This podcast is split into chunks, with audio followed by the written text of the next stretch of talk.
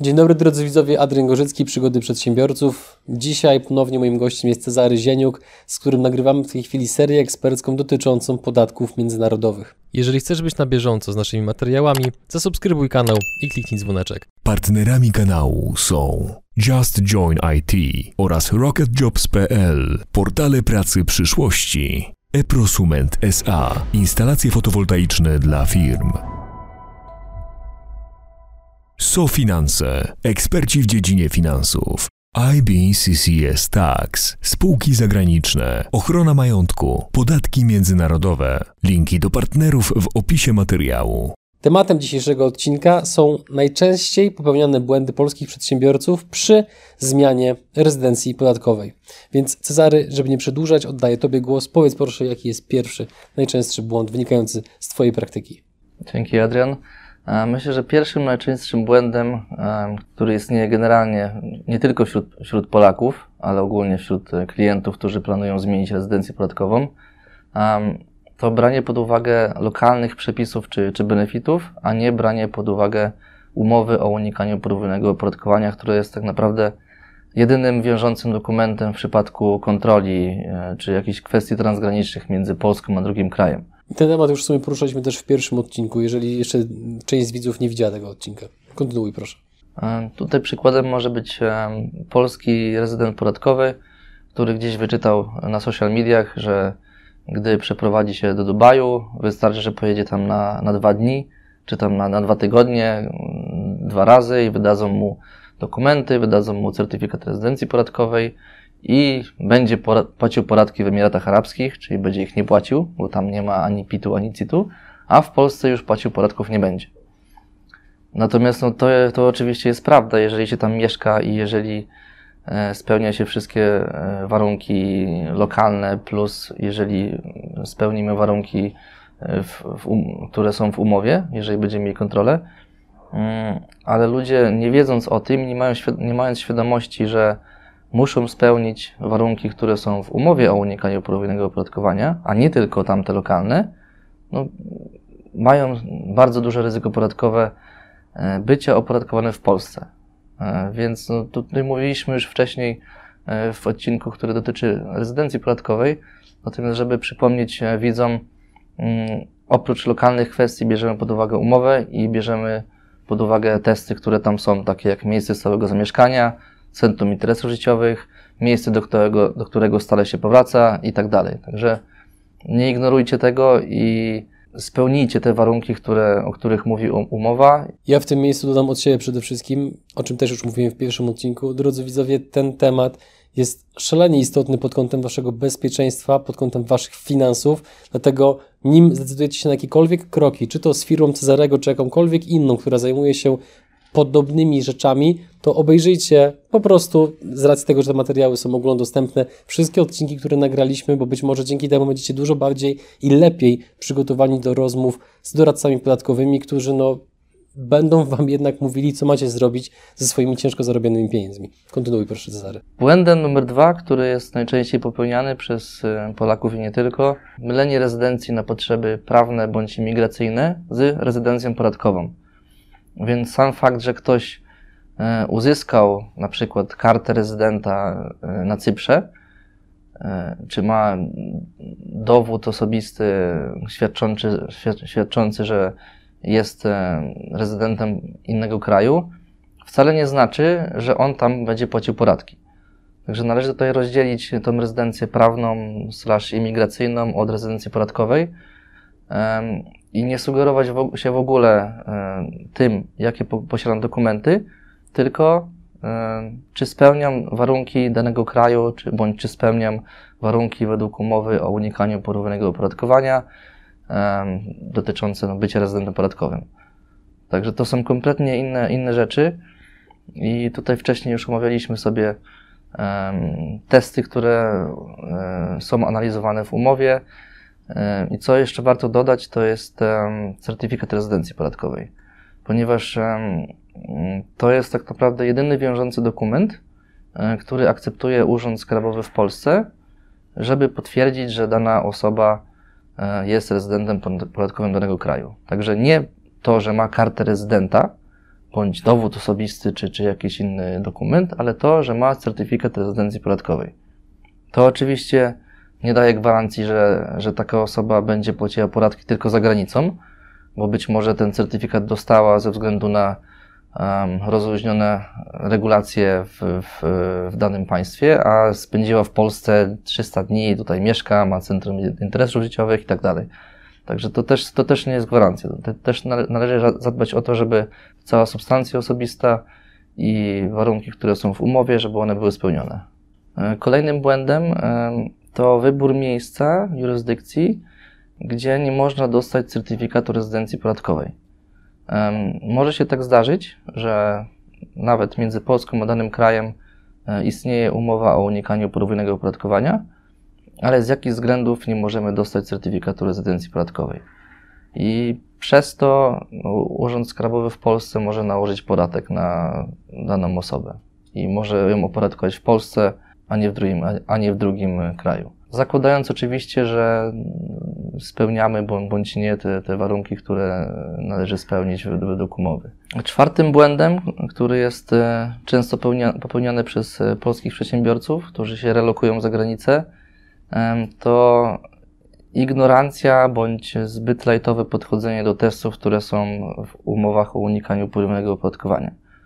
E, mówimy tutaj o nie tylko o miejscu zamieszkania, ale o centrum interesów życiowych i o habitual abode, czyli o tym, gdzie ktoś e, regularnie powraca dla jakichś ważnych kwestii, czy, czy osobistych, czy, czy biznesowych. Pomimo to, że ludzie korzystają z usług e, doradców podatkowych, nadal nie rozumieją, e, co wchodzi w elementy tych, tego centrum interesów życiowych, czy, czy miejsca stałego powracania. Także tutaj należy kłaść na to duży nacisk i należy poprosić doradcę, żeby wylistował e, danemu podatnikowi, e, co on musi zrobić, żeby e, te testy spełnił. Bo to nie jest wiedza, która jest publicznie dostępna. Nawet w umowach o unikaniu podwójnego opodatkowania nie jest napisane, co to znaczy, tylko są wylistowane te podpunkty.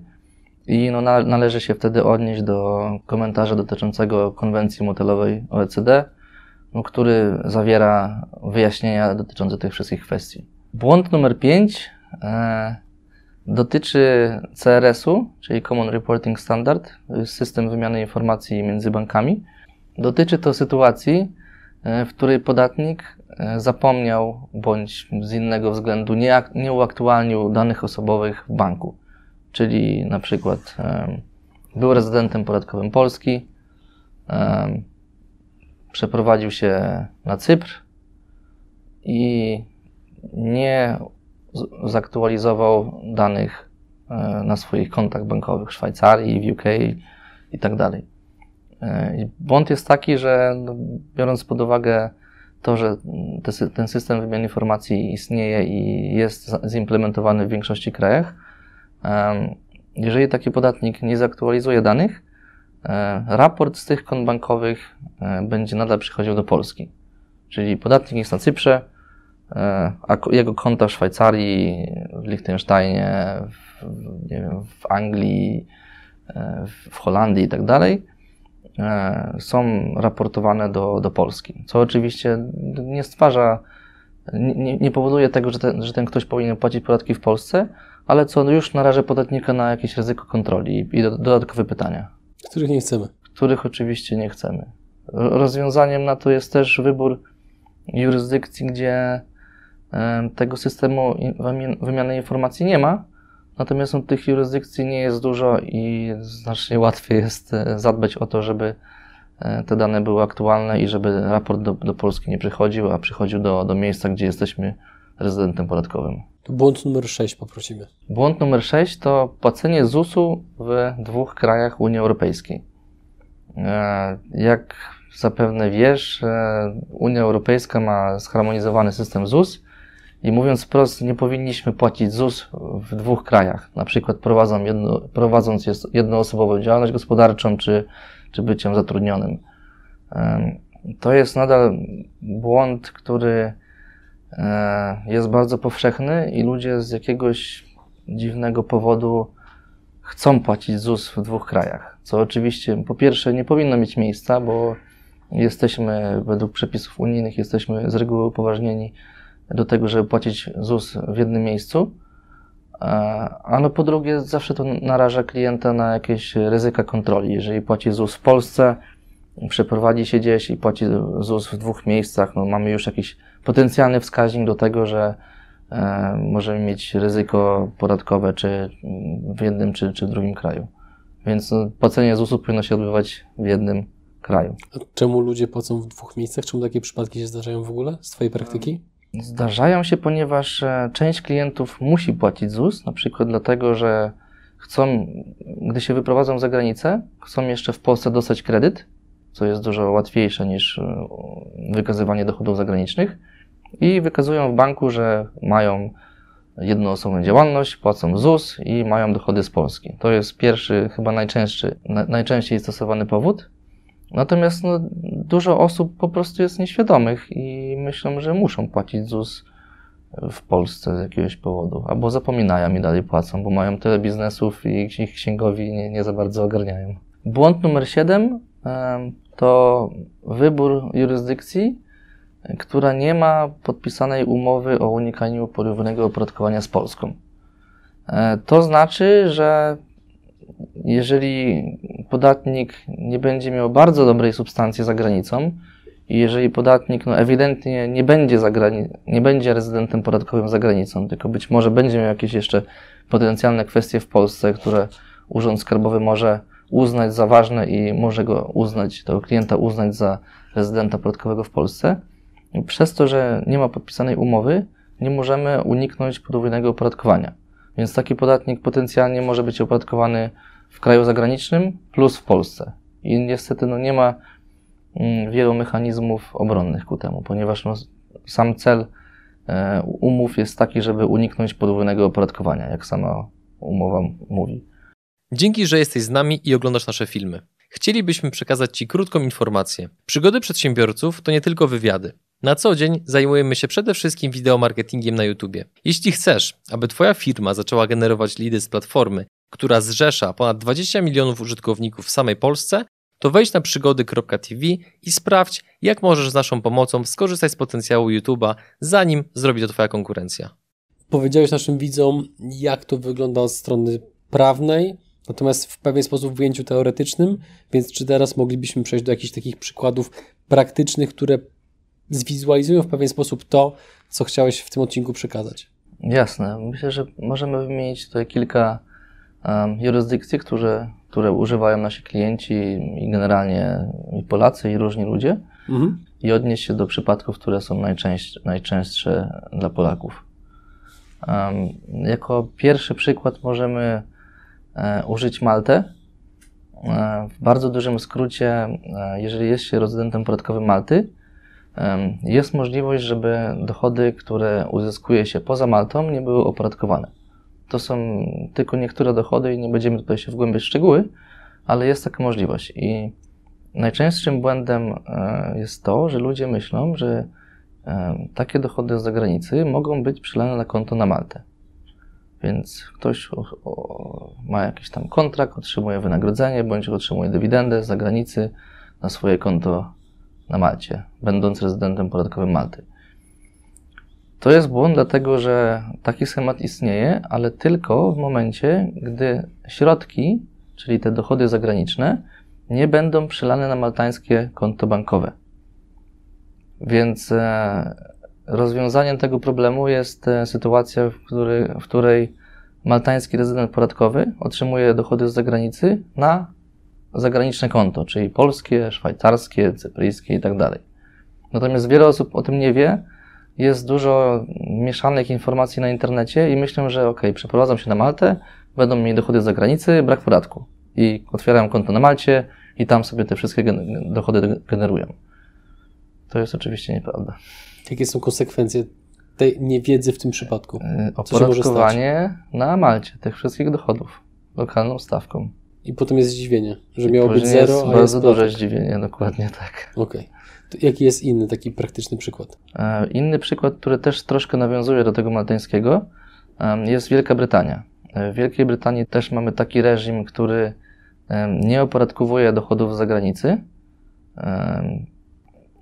które nie są remitowane do Anglii. Tu też mamy taki sam przykład. Jeżeli mamy, e, jesteśmy zapisani do tego reżimu, dostajemy dochody z zagranicy e, na konto angielskie, mamy opodatkowanie. Natomiast e, e, o tym jednak świadomość istnieje, ale nie ma świadomości o tym, że te pieniądze, które były otrzymane za granicą, ten dochód, nie mogą być też wykorzystywane w Anglii pośrednio. Czyli na przykład e, dostajemy dochód na, jako rezydenci UK, dostajemy dochód w Polsce e, i używamy karty do bankomatu w Anglii i wypłacamy sobie te pieniądze z polskiego konta. To jest remitowanie środków do Anglii. Pomimo to, że one fizycznie pierwotnie nie zostały przetransferowane na angielskie konto bankowe, one się pojawiły w Anglii w pewien sposób, jak ktoś wypłaci pieniądze z bankomatu. Mhm. Jeżeli te pieniądze użyje się do zakupu domu czy do zakupu samochodu, e, to też może to stanowić zagrożenie podatkowe. To jest oczywiście, oczywiście trudna, to są trudne przypadki i no, należy, należy się tutaj skontaktować z doradcą podatkowym lokalnym w UK, ale no, tak w dużym skrócie to, to wygląda. Um, idąc dalej, możemy podać przykład Cypru. Um, na Cyprze um, wymogi rezydencji podatkowej, jednym z wymogów rezydencji podatkowej to spędzanie 60 dni w roku kalendarzowym, zakładając, że nie, nie spędzamy 183 e, dni w innym kraju i zakładając, że nie jesteśmy rezydentami podatkowymi w innym kraju. Błąd numer jeden to to, że ludzie nie biorą pod uwagę umowy między Cyprem a Polską i skupiają się tylko na tych 60 dniach, a nie na kwestiach, które są wiążące w umowie między Polską a Cyprem. Mm, sporo osób też myśli, że uzyskanie yellow slipu, czyli karty rezydenta na potrzeby prawne i migracyjne, to jest już rezydencja podatkowa. To nie jest rezydencja podatkowa. Żeby uzyskać rezydencję, trzeba spełnić mm, kilka warunków. Trzeba złożyć PIT, trzeba dostać certyfikat rezydencji podatkowej. Należy tutaj rozgraniczyć tą prawno-imigracyjną rezydencję od rezydencji podatkowej, która jest całkowicie inna. E, podobnym przykładem e, są Emiraty Arabskie.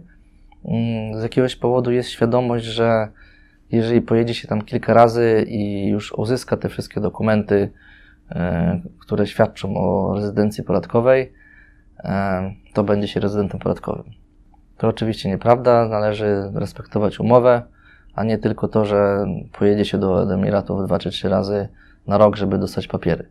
E, ostatnią jurysdykcją, o której chcę wspomnieć, która szczególnie ostatnio e, jest używana przez e, Polaków i nie tylko, to Portugalia. W Portugalii jest coś takiego, co się nazywa non-habitual residence i to jest też taki schemat, w którym nie opodatkowuje się dochodów osiąganych z zagranicy, będąc rezydentem podatkowym Portugalii oczywiście. Najczęstszym błędem w Portugalii jest to, że e, ludzie myślą, że w spółkach, e, które wypłacają dywidendę z zagranicy do e, udziałowca, który jest rezydentem Portugalii, w Portugalii nie, nie, nie będzie istniał podatek od dywidendy. To jest prawda częściowo E, jeżeli udowodnimy, że ta dywidenda będzie pochodzić z zagranicy. Natomiast wiele osób ma struktury, w których e, e, mają zakład tych spółek na terenie Portugalii, czyli na przykład mają spółkę na Cyprze, są tam jedynym prezesem, mają w Portugalii biuro, operują przez tą spółkę w Portugalii, przelewają sobie dywidendy na, na, na konto w Portugalii czy gdzieś indziej i są opodatkowani. A są opodatkowani, bo Urząd Skarbowy w Portugalii im udowodni, że pomimo to, że mają spółkę i te dochody są potencjalnie z zagranicy, oni tworzą zakład tej spółki w Portugalii i zakład spółki w Portugalii jest traktowany tak samo jak portugalski podmiot na potrzeby podatkowe. Więc to jest traktowane w taki sam sposób, jakby ktoś nie dostawał dochodów z zagranicy, tylko lokalnie, co jest oczywiście opodatkowane lokalną stawką. I takich błędów jest, jest masa, to jest tylko jakiś tam... Wierzchołek góry lodowej. Tak, wierzchołek góry lodowej, natomiast no, to są chyba najczęściej popełnione błędy. Na koniec chciałbym, chciałbym jeszcze raz wspomnieć o e, Cyprze i Gruzji, ponieważ szczególnie ostatnio istnieje sporo nieporozumień w tym zakresie. Pierwszy przypadek dotyczy Cypru i dochód, e, dochodów e, z kryptowalut. E, wiele osób twierdzi, że takie dochody nie powinny być opodatkowane na poziomie osobistym. Więc na Cyprze nie ma regulacji dotyczących krypto, nie ma definicji, czym jest krypto i Urząd Skarbowy w ogóle nie wydaje interpretacji, jak takie dochody powinny być opodatkowane. Więc e, da się uzyskać poradę prawną bądź e, od audytora, od biegłego rewidenta o tym, że dochody ze sprzedaży bitcoina e, nie są opodatkowane. Natomiast w związku z tym, że nie ma regulacji, to jest zawsze jakieś ryzyko. I może się okazać tak, że za rok czy dwa Urząd Skarbowy wyda jednak interpretację i podatnicy będą musieli zapłacić podatek. Także to też należy wziąć pod uwagę, decydując się na Cypr jako jurysdykcję pod kątem skaszowania się na krypto. Na, na pewno lepiej e, zrobić to w Gruzji, gdzie takie przepisy są już zaimplementowane, jest to czarno na białym napisane i jest, jest klarowne, w jaki sposób trzeba opodatkować zysk z krypto. Mm, a nawiązując jeszcze raz do Gruzji, istnieje takie przeświadczenie, że Gruzja ma terytorialny system podatkowy i że zyski z zagranicy nie powinny być opodatkowane. To też nie jest prawda i w ustawie jest bardzo jasno napisane, e, jakie z tych zysków zagranicznych są opodatkowane w Gruzji, a jakie nie. I tak naprawdę jedynym e, zyskiem, który może być nieopodatkowany w Gruzji, który pochodzi z zagranicy, to dywidenda ze spółki zagranicznej. Po pierwsze, z jurysdykcji, która ma umowę między Gruzją a danym krajem, a po drugie zakładając, że to jest tylko dywidenda, a nie, a nie dochód połączony z, z funkcją bycia członkiem zarządu, czy, czy z jakimiś operacyjnymi kwestiami, czy dochód z zakładu spółki zagranicznej, który jest lokalizowany w Gruzji. Więc no, da się to zrobić w dobry sposób, w prawidłowy sposób, ale trzeba bardzo uważać. Trzeba wiedzieć jak. Dokładnie. I z kim i gdzie. Czy możemy w tym odcinku postawić kropkę według Ciebie? Tak. Okej. Okay. Drodzy widzowie, jeżeli chcecie sprawdzić, jak firma Cezarego może Wam pomóc, to wchodźcie na link, który znajduje się w opisie filmu, a my tymczasem zachęcamy Was do obejrzenia wszystkich odcinków w serii eksperckiej z Cezarem, po to, żeby Wasza wiedza a propos podatków międzynarodowych była jak największa, bo w końcu chodzi o bezpieczeństwo Waszych finansów. Dziękuję Ci za rozmowę w tym odcinku. Przygotowujemy się do kolejnego. Dziękuję.